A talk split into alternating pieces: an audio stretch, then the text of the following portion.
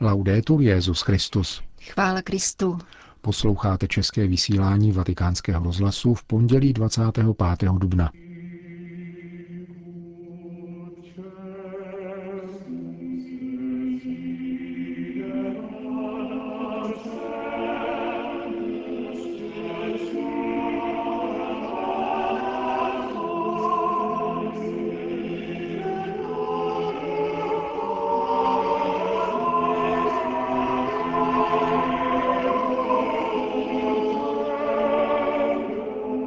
Papež František se v neděli v podvečer nečekaně objevil na mítinku, který pořádalo hnutí Fokoláre v římském parku Villa Borghese. Pravou mírou času je naděje, napsal římský biskup vězňům do vězení v italském Veletri.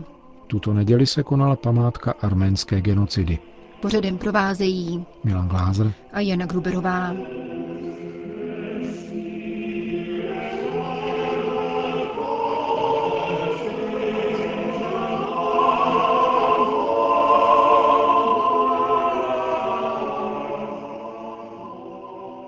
Zprávy vatikánského rozhlasu.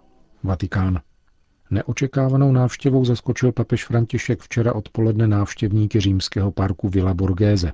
Krátce před 17. hodinou se objevil na tamním dostihovém závodišti, kde ekologické združení Earth Day Italia ve spolupráci s hnutím Focolare pořádalo čtyřdenní akci nazvanou Vesnice pro zemi, zahrnující kulturní a sportovní akce, ale také farmářské trhy a další programy zaměřené na péči o naši planetu a činnost drobných združení podporujících občanské soužití na různých úrovních.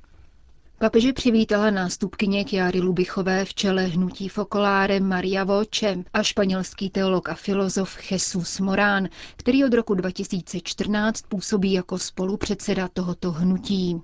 Předseda italské ekologické organizace Pierluigi Sassi promluvil o aktivitách zaměřených na péči o životní prostředí, pomoc nezletilým bez doprovodu či mezináboženský dialog. Jste lidé, kteří mění poušť v les, řekl papež František v improvizované promluvě k asi třem tisícům pětistům účastníků akce. Zastavil se u kontrastu mezi obrazem pouště jako smrti a zmaru a lesa jako obrazu života a bujnosti, byť ještě neskrocené a neuspořádané. Připomněl mnoho různých pouští v životech lidí a vybízel k odmítnutí předsudků, protože život je potřeba žít tam, kde je.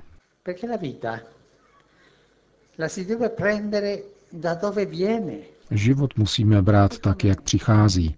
Je to jako s brankářem ve fotbale. Chytá míč tam, kam je vstřelen. Nesmíme mít strach ze života, z konfliktů, které může přinášet. Když si mi někdo řekl, nevím, jestli to tak je, chcete-li, ověřte si to, já jsem si to neověřoval, že slovo konflikt v čínštině tvoří dva znaky. Jeden znamená riziko a druhý možnost. A tak tomu také skutečně je. Konflikt můžeme brát jako něco, od čeho se máme držet daleko. Ale kdo neriskuje, nikdy nebude mít možnost přiblížit se skutečnosti. Abychom skutečnost poznali, poznali ji i srdcem, je potřeba vidět ji zblízka. Přiblížení se sebou nese riziko, ale také příležitost, jak pro mne, tak pro člověka, k němuž přicházím. Nikdy se neotáčejte ke konfliktu zády, abyste ho neviděli. Mai, mai, mai Lidem na ulici chybí úsměv, každý je uzavřen do svých vlastních problémů, poznamenal papež František. Kde chybí přátelství, nastupuje nenávist a válka, dodal. Povzbudil přítomné, aby nezapomínali, že přátelství lze pěstovat jedině nezištně. Nezištnost je zapomenuté slovo, které nás vysvobozuje z moci všeobecně rozšířené adorace boha peněz. Gratuita. Nezištnost je klíčové slovo. V nezištnosti dávám svůj život, takový, jaký je. Mohu kráčet společně s ostatními a pracovat na tom, aby se tato poušť proměňovala v les. Dalším zásadním prvkem mezilidské vzájemnosti je odpuštění, zdůraznil papež. Kde je odpuštění, tam mizí křivdy a výčitky, tam je možné společně budovat a nikoli ničit. Mějte se navzájem v úctě a stavte na svém společném lidství, povzbuzoval papež. Pak může dojít k zázraku a poušť se změní v les, řekl František při své překvapivé návštěvě oslav dnu země. Vatikán. Pravou mírou času je naděje. píše papež František v dopise adresovaném do věznice ve Veletry u Říma. Petrův nástupce odpovídal na list, který mu vězni zaslali prostřednictvím biskupa Marcela Semerára letos 5. března. Svatý otec děkuje vězňům za jejich slova a přiznává, že na ně a na lidi v podobné situaci často myslí. V souvislosti s rokem milosedenství připomíná den vyhrazený pro vězně a ujišťuje je o spojení ve vzájemné modlitbě. Zažíváte zkušenost, v níž se zdá, jako by se čas zastavil a nikdy neskončí. Pravou mírou času však nejsou hodinky. Pravá míra času se nazývá naděje. A já si přeji, aby každý z vás měl před sebou vždy rozsvícené světlo naděje víry, aby osvětlovalo váš život. Čteme v listu vězňům. Papež povzbuzuje trestance k modlitbě, aby z mrtvých vstalý Kristus naplnil její hodiny, dny a roky pravou nadějí. Nenechte se uzavřít v minulosti, nýbrž proměňte ji v cestu růstu, víry a lásky. Dejte Bohu možnost, aby vás nechal zazářit skrze tuto zkušenost, píše papež a připomíná vězňům, že v dějinách církve je mnoho svědců, kteří dospěli ke svatosti skrze tvrdé a obtížné situace. Otevřete brány svého srdce Kristu, protože s ním je možné všechno. V závěrečném požehnání pamatuje papež také na rodiny a především děti vězňů a poroučí se do jejich modliteb.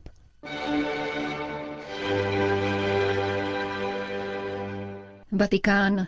Na neděli připadla připomínka výročí Metz Jegern, velkého zla, jak arméni nazývají vyvražďování příslušníků svého národa ze strany osmanských Turků, ke kterému došlo v letech 1915 až 1918. Masakr asi milionu a půl Arménů bývá označován za první jednoznačně dokumentovanou genocidu v dějinách. Přesto za pouhé vyslovení tohoto termínu dodnes hrozí v Turecku až tříleté vězení. Arménský den paměti se připomínal také v papežské arménské koleji v Římě. Modlitebního bdění, kterému předcházelo v sobotu v podvečer, se zúčastnil prefekt Kongregace pro východní církve kardinál Leonardo Sandri. Tyto strašlivé události lidských dějin nám umožňují nahlédnout zlo, jakého je lidské srdce schopné, ale jejich připomínka nás má otevírat perspektivě smíření a lepší budoucnosti, říká kardinál Sandri. Myslím, že je nezbytné připomínat si těžké újmy na lidské důstojnosti, jako jsou války, pronásledování a nespravedlnosti na člověku. Avšak proto, abychom se obrazovali pro novou naději. Některé rány po takto strašlivých událostech však zůstávají. Dnes všichni hledíme na tragédii a oběti konfliktu v náhodním Karabachu a doufáme, že s pomocí mezinárodní komunity bude nalezeno správné a trvalé řešení tohoto konfliktu mezi dvěma národy, který může mít vážné následky zejména pro Arménii, zemi tak drahou katolické církvi, první křesťanský stát vůbec. Doufejme, že konflikt nepřeroste ve válku mezi náboženstvími a různými pozicemi. Říká prefekt Kongregace pro východní církve kardinál Leonardo Sandri. Phnom Penh. Napomáhat při obnově Kambodži prostřednictvím kultury a boje s analfabetismem. Tento cíl si mimo jiné klade apoštolský vikář v Phnom Penhu. V jednom ze satelitů hlavního města Kambodžského království proto otevřel veřejnou knihovnu určenou zejména pracovníkům v textilním průmyslu. Knihovnu, kterou hostí dvě pronajaté místnosti, slavnostně otevřel apoštolský vikář Monsignor Olivier Schmidt-Heusler spolu se zástupci francouzské vzdělávací organizace, která projekt spolufinancovala. Je dobré poskytnout lidem možnost, aby četli. Četba totiž pracujícím pomáhá, aby si obohacovali svou všeobecnou kulturu, vnuká nové myšlenky a názory, které mohou vést ke zlepšení naší budoucnosti. A zejména mladým lidem pak, kromě znalostí, přináší také více radosti a štěstí, prohlásil apoštolský vikář Kambodže. Inaugurace nové knihovny spadá do tříletého období zaměřeného na charitativní skutky, které místní církev vyhlásila před dvěma lety a které se zamýšlí nad budoucností církve v Kambodži, jejím posláním a prorockou rolí. Katolíci tvoří ve většinově buddhistické Kambodži pouhé čtyři desetiny procenta z celkového počtu 15,5 milionu obyvatel. Téma jejich tříleté pastorační obnovy zní Kdo je můj bližní. Jak vysvětlil monsignor Schmidhausler, toto údobí má být časem konkrétních činů milosedné lásky ve všech společenských odvětvích. Každý věřící je povolán k péči o nejposlednější, potírání nespravedlnosti a korupce, které se šíří azijskou zemí, dodal apoštolský vikář Phnom Penhu. Řím. Itálie si dnes připomíná odchod nacistických vojsk v dubnu 1945 a slaví Den osvobození. Předchozí rok 1944 byl přitom nejkrvavější z celé války. Při vyvražďování celých obcí, na kterém se podíleli němečtí nacisté, stejně jako italští fašisté, zemřeli tisíce civilistů, a to zejména v krajích Toskánsko a Emilia Romáňa. 70 let po těchto událostech zpřístupnila italsko-německá historická komise jejich novou databázi. Projekt spolufinancovala německá vláda a podílelo se na něm více než 90 badatelů. Šetření se týkalo více než pěti tisíc jednotlivých epizod po celém území Itálie a kde to bylo možné, zjišťovalo identitu obětí i jejich katů. Jak vysvětluje vedoucí projektu Paolo Pezzi z Univerzity v Píze, v letech 1943 až 1945 přišlo o život 23 tisíc neozbrojených civilistů. Mezi nimi také více než 120 kněží a řeholníků. Malá část kněží pracovala v odboji, jiní spolupracovali s partizány. Mnozí však byli zabiti, protože jednoduše neopustili své společenství, když nastalo hromadné vraždění. Byla to forma pastorace, Zejména v Toskánsku, které touto dobou bylo velice silně zasaženo tímto krveprolitím, přišlo nařízení od tamní biskupské konference, že kněží mají zůstat na místě a nesmí odejít. Takzvaný atlas násilí je zpřístupněn prostřednictvím internetových stránek v různých jazycích, aby čísla nezůstala jen čísly, níbrž mohla tvořit živou součást lokální paměti a školního vyučování. Italsko-německá historická komise usilovala o kritickou dějinou analýzu a společné zpracování válečné minulosti. Jako příspěvek k nové kultuře paměti projekt vítá německá velvyslankyně v Itálii Susan Vasum Reinerová. Jsme velice šťastní, že tento projekt vznikl, protože z našeho pohledu je krajně důležité uctít jednotlivé oběti a udržovat v povědomí jejich památku, ale samozřejmě také zpracovat minulé události tak jasně, jak je to jen možné. Sýrie. Více než 280 tisíc Syřanů bylo zabito v důsledku konfliktu vedeného džihadisty, kteří byli naverbováni v drtivé většině mimo Sýrii. Zatímco 350 tisíc Syřanů zemřelo kvůli nedostatku nutných životních potřeb, řekl pro katolickou agenturu Zenit otec Ondřej Halemba, pracovník papežské charitativní nadace Kirche in Not, mající na starosti Blízký východ. Omezený přístup k potravinám, lékům a dalším životu nezbytným potřebám je způsoben především ekonomickým embargem, které na tento zkoušený národ před pěti roky uvalila Evropská unie. Potraviny a léky se tak staly nebezpečnější zbraní než samopaly, říká otec Halemba, protože kvůli jejich nedostatku umírá více lidí než v důsledku ozbrojeného konfliktu.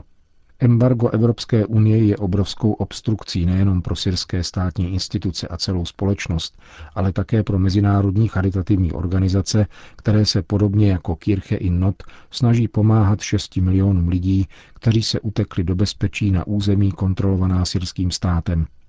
Ekonomické embargo je tedy jednou z hlavních příčin emigrace Syřanů, přičemž navíc vytváří situaci, kterou demagogicky využívají ze zahraničí vyzbrojovaní žoldáci k dalšímu plnění svého zločinného poslání.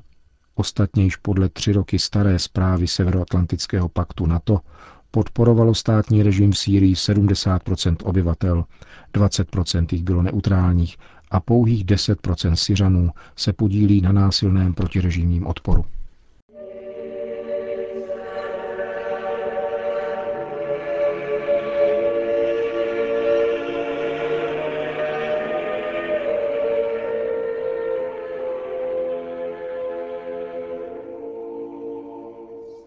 Končíme české vysílání vatikánského rozhlasu. Chvála Kristu. Laudetur Jezus Christus.